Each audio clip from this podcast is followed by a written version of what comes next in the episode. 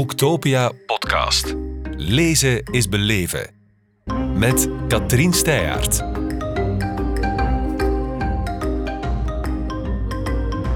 Welkom op Boektopia, Hugo Luiten. Dank u. Het bloed van de zwaan, uitgegeven bij Pelkmans. Dat is het boek waar we het gaan over hebben. Het speelt zich af in 1929 in Düsseldorf. Ja. Mensen worden opgeschrikt door een reeks vreselijke, maar ook heel raadselachtige moorden, zelfs op kinderen. Ja, En voor we ja, denken, ja. wat een ziek schrijversbrein zit hierachter. het is gebaseerd op waar gebeurde feiten. Ja, ja, het is echt. eh, dit is een bestaande case eigenlijk, ja. En ehm, wat mij wel frappeerde is dat ehm, in het Nederlands taalgebied daar helemaal niks over, ooit over geschreven is, verschenen is. En eh, in alle andere talen wel. Zelfs in het Frans zijn er een aantal boeken eh, over verschenen en, en eh, ook al lang geleden en re- redelijk recent nog. Dus ja, dat verbaast mij wel een beetje eigenlijk. Dus de, de case is hier als zodanig niet echt bekend, dus ik versta dat mensen daar niet direct beeld bij hebben. Misschien is dat ook goed dat we daar niet per se een beeld bij hebben. Maar is het dan ook door die andere boeken dat jij het verhaal hebt leren kennen? Niet direct. Ik was eh, mijn allereerste boek, dat speelde eh, in de Eerste Wereldoorlog. Dat, was ook vanuit een Duits eh, perspectief geschreven. En in mijn research daar rond heb ik, ben ik op die case gestoten. Want ik kende ze zelf natuurlijk ook niet. Nu is dat alweer een aantal jaar geleden. En ik dacht, daar moet je altijd nog eens iets mee doen. Zoals dat dan gaat. en ja, nu kreeg ik de kaart. Want ja, veel uitgevers die waren daar toch niet helemaal... Ja, als dat lang geleden is, dan eh, haken ze vaak af.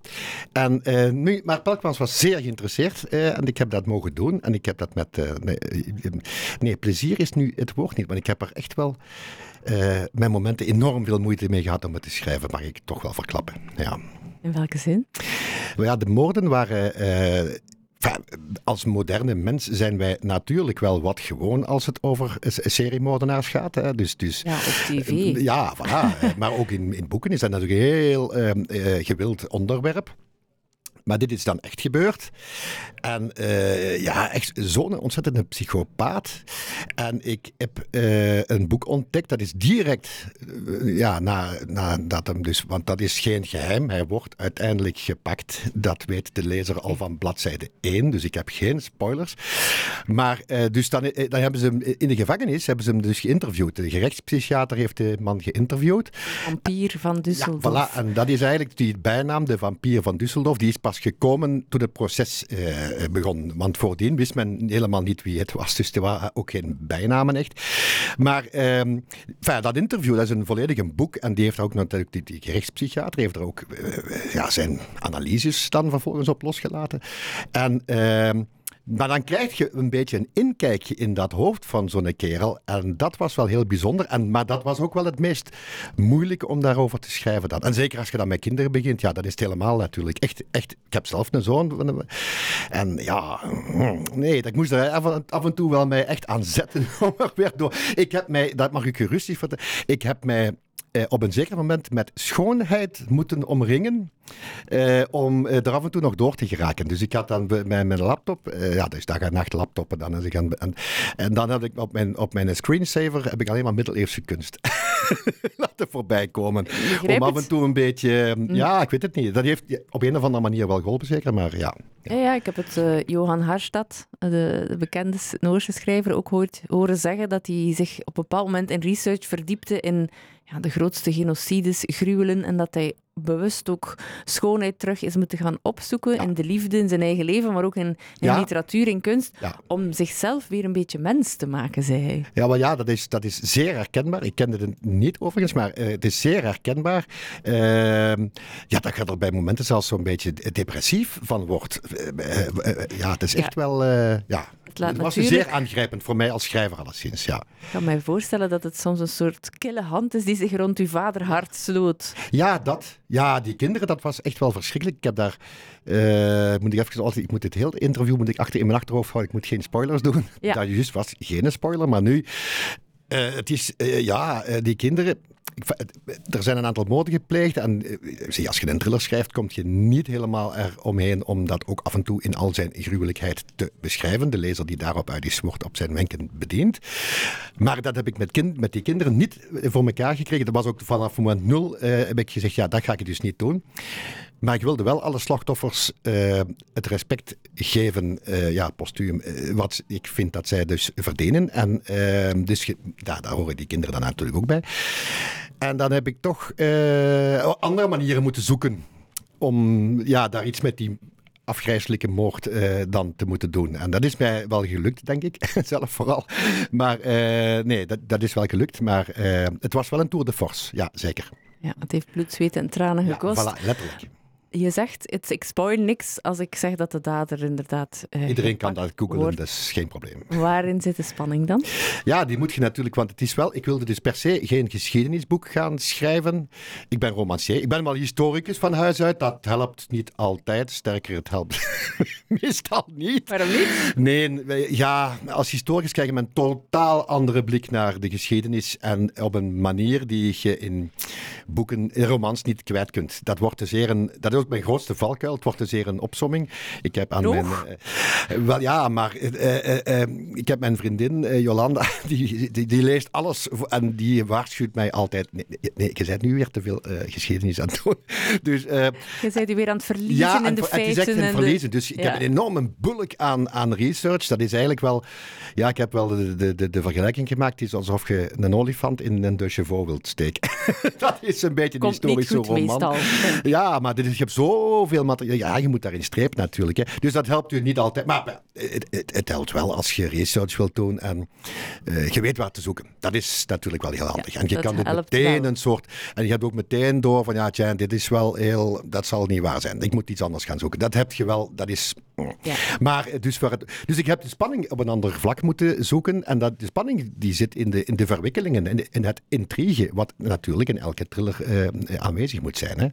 Dus dan heb je het over de um, relatie. Verder is een, een politieteam wat. Hè, nou ja. En daar wist ik ook vrij veel van. Daar heb ik veel kunnen van terugvinden. Ik heb wel de originele namen niet gebruikt. Van ene persoon wel, maar van alle anderen niet. En uh, dus dan heb je iets meer vrijheid om daar. Ja, ik ben altijd bang dat er nog nazaten zijn. die dan komen reclameren. dus, ja, als het uh, over echte mensen gaat, ja, moet je maar moet toch een beetje, zijn. Ja, een beetje voorzichtig. Ik, ik, ik, heel veel schrijvers doen dat dan niet in zo'n geval. Ik heb ja, ik ben dan zo'n, toch zo'n angsthaas. Die daar... Nee, dit is ook wel uit respect. Het is ook een kwestie van respect, ja. Ja, voilà. voilà. Dus, dat is echt... maar, bon, dus ik heb daar een aantal verzonnen personages. En ja, daar zit een intrigue in. Um, uh, ondanks dat je als lezer weet dat hij uh, ooit een keer gepakt gaat worden. Nu geldt dat wel voor de meeste seriemoordenaars in boeken. Hè, dus zo heel vreemd is dat concept natuurlijk ook niet.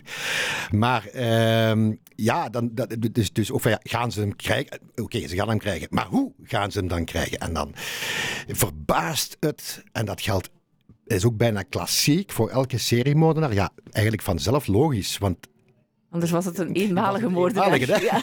Dus het gaat altijd mis, maar dat is in, ja. dat is, daar, daar verklap ik ook niks mee. Want ook nu met, ja, op Netflix, Jeffrey Dahmer, ja, die hebben ze ook niet. En, en zelfs met de, met de dikste aanwijzingen dat je denkt, ja, mijn mannen, allee. Achteraf is het gemakkelijk natuurlijk. Altijd achteraf is het heel gemakkelijk. En uh, ja, er is bijvoorbeeld ook de, de onderzoeksrechter en de, en, de, en de procureur, die hebben dan in de jaren 50 ook nog een heel boek daarover, die hele case geschreven. Dus dan krijg je toch een inzicht in ja, hoe de politie dan aan te werk ging. Ook wat er allemaal misgelopen is. Dus daar kan ik dankbaar gebruik van maken. Dat, ja. En ik heb al die elementen.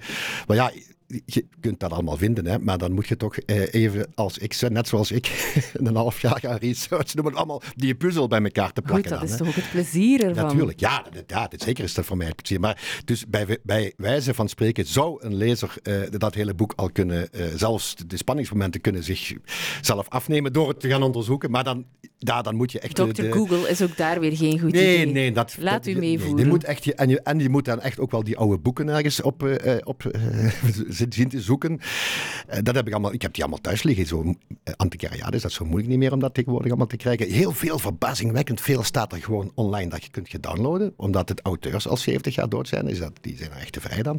Verbazingwekkend hoeveel dat er toch nog online te vinden is. Maar ja, dan moet je echt daar je beroep van maken en daarin gaan, in gaan snuisteren. Ja, ja. Nou, ik, zie, ik zie je nu zitten in zo'n soort schrijfkamer waar de stapels boeken bijna Ja. omvallen en eh, oude papieren ertussen fladderen. Ja, eh, alleen is dat niet mijn schrijfkamer. Ik doe dat gewoon in de living. Ah ja, oké, Nee, ik heb, ik heb een nekhernia en ik kan dus niet achter een bureau zitten. Eh, dan moet ik al, zoals nu, moet ik al, ja, toch al wat pijnstillers nemen. Dat is ook dat is allemaal niet erg. Dat gaat allemaal over of niet. Zwart, eh, we leven ermee. Maar dus ik lig in mijn zetel, dus met kussens, zo gelijk een, een, sul- een sultan, hè, met laptopje. Maar Niet gelijk mij, bij de psychoanalist. Nee, nee, ja, nee, nee, nee, zo niet. Nee, nee. Ik moet wel recht kunnen zitten. Ja, Moet wat moet typen, kunnen hè. typen. Maar, ehm, eh, da- maar naast mij op de salon, salontafel, daar ligt wel een hele stapel boeken met papieren. En eh, af en toe kom ik dan beneden en dan is dat weg. Hè. Dat is- Tja. Tja, ja, Ja. de kaboutertjes zeker die dat... Ik zal eens even Oei. Dus steun en toeverlaat. Ja, ik zou ik daar zal, niet te eh, veel commentaar op Ja, geven. ik zal straks alleen moeten gaan eten. Ja. Maar die boeken, dat archief, dat, die geschiedenis die daarachter zit, daarmee onderscheid je je natuurlijk van andere verhalen over seriemoordenaars, omdat dit echt historische seriemoordenaars zijn. Het is ook dankbaar, denk ik, om een tijdvak zoals die jaren twintig, dat interbellum, Ja. daarbij te kunnen betrekken. Want dat speelt... Denkt u niet dat dat een rol gespeeld heeft? Eh, ik denk het wel. Eh, dus als je dus ziet dat er, eh, ja, dan moeten we weer naar, naar, Netflix of al de streamingdiensten, is het natuurlijk wel zo dat het, het genre, historisch fictie, laten we dat zo zeggen, dat dat wel een bepaalde populariteit heeft.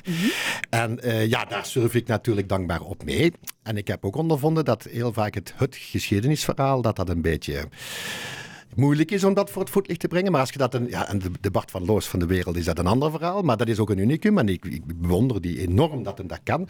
Maar, eh, maar ja, eh, heel dikwijls is het zo dat je dan, als je dan een, een, een goede roman schrijft. En eh, dat de mensen op eenzelfde, ja, ook eh, weet krijgen van de geschiedenis. En op een voor hun aangename manier zeker. En dan eh, ben ik als historicus ook wel een beetje content dat ik het zo heb kunnen doen. Stiekem hebben ze toch Ja, iets gezond eh, ja. binnengekregen. Want ik heb heel die natuurlijk, want het zit in 1929, Ja, het stopt voilà. in 1931 geloof ik. En dan, eh, ja, geloof ik, ja, nee, het stopt in 1931. En, eh, maar dus heel die opkomst van de nazi's, en dan moet je dus goed bedenken natuurlijk dat eh, die echt nog maar in opkomst waren. Het was toch, Ja. het, was, ja, het moest toch hè, beginnen eigenlijk. Hè. Eh, maar ook de economische crisis. Ja, die en, was eh, al gebeurd, toch? hè, De grote crash. ja, nee, die was dan juist. Maar op dat moment, dat is hetzelfde als wij nu meemaken. Eh, daar is, daar is een, een, een economisch ramp voltrekt zich, maar het duurt dan even eer dat de impact heeft op de mensen hun leven natuurlijk. Hè. En in dat, in dat kantelmoment, daar speelt dat boek zich af.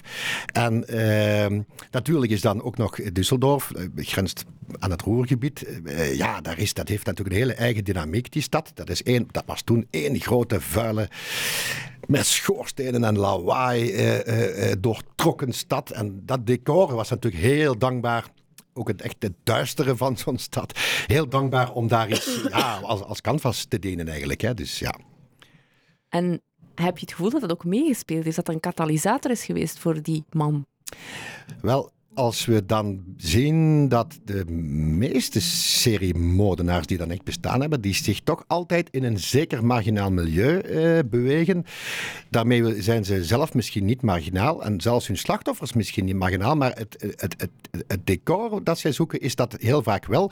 Dat komt ook omdat daar natuurlijk heel weinig controle is. Daar komen niet veel mensen, daar is het rustig, dat is een achterafsteegje, dat is ergens aan een spoorweg, emplacement. Enfin, verzin het maar zo gek. Eh, en dat maakt natuurlijk dat het altijd een, ja, een zekere suspense al in zich meedraagt. En dat was hier ook, dus je moet je dan voorstellen. Het probleem natuurlijk dat Düsseldorf vervolgens in de oorlog compleet plat gebombardeerd is. Dus ik kon daar... eh, al die straten, dat is allemaal veranderd. En, en eh, dan heb ik dus dankbaar gebruik gemaakt van de Amerikaanse luchtmacht. Die heeft namelijk in de oorlog eh, luchtfoto's gemaakt. Echt glasheldere luchtfoto's. Om nadien te kunnen bombarderen. En die foto's hebben ze dus nu op het, eh, op het stadsplan van, Dus- van het moderne Düsseldorf geplakt. Aha. En dan had ik nog wat oude plannen, want er is ooit een wereldtentoonstelling of iets dergelijks geweest. Dan had ik zo wat oude plannen die ook heel gedetailleerd waren. En dan kon ik mij toch een idee vormen van die stad. Maar die moorden die gebeurden vrijwel allemaal in de, in de periferie. Echt aan de, aan de, waar de, de, de grote stad ophoudt en, en het, eigenlijk het platteland weer zo'n beetje zich herneemt, begint. Ja, dat was een perfecte locaties waren dat om dat soort gruwelijkheden te plegen. Ja. Ja. Ja. Uw enthousiasme, het, het, eh, ik heb al zin om daar te gaan rondlopen. Dus Ja, ik kan alleen maar hopen dat mensen het ook... Ik, ik beloof de lezer, je loopt daar echt rond in de Düsseldorf van 1929. Je, je, je zet daar meteen in, in, in, in vertrokken. Ja. Oké, goed. Met die belofte, mooie belofte, gaan we afsluiten. Heel erg bedankt om hier te zijn. Het was heel plezant, Luiten. dank u. Boektopia podcast. Lezen is beleven. Beluister ook de andere podcasts live opgenomen op Boektopia 2022. Nu via je favoriete podcast-app.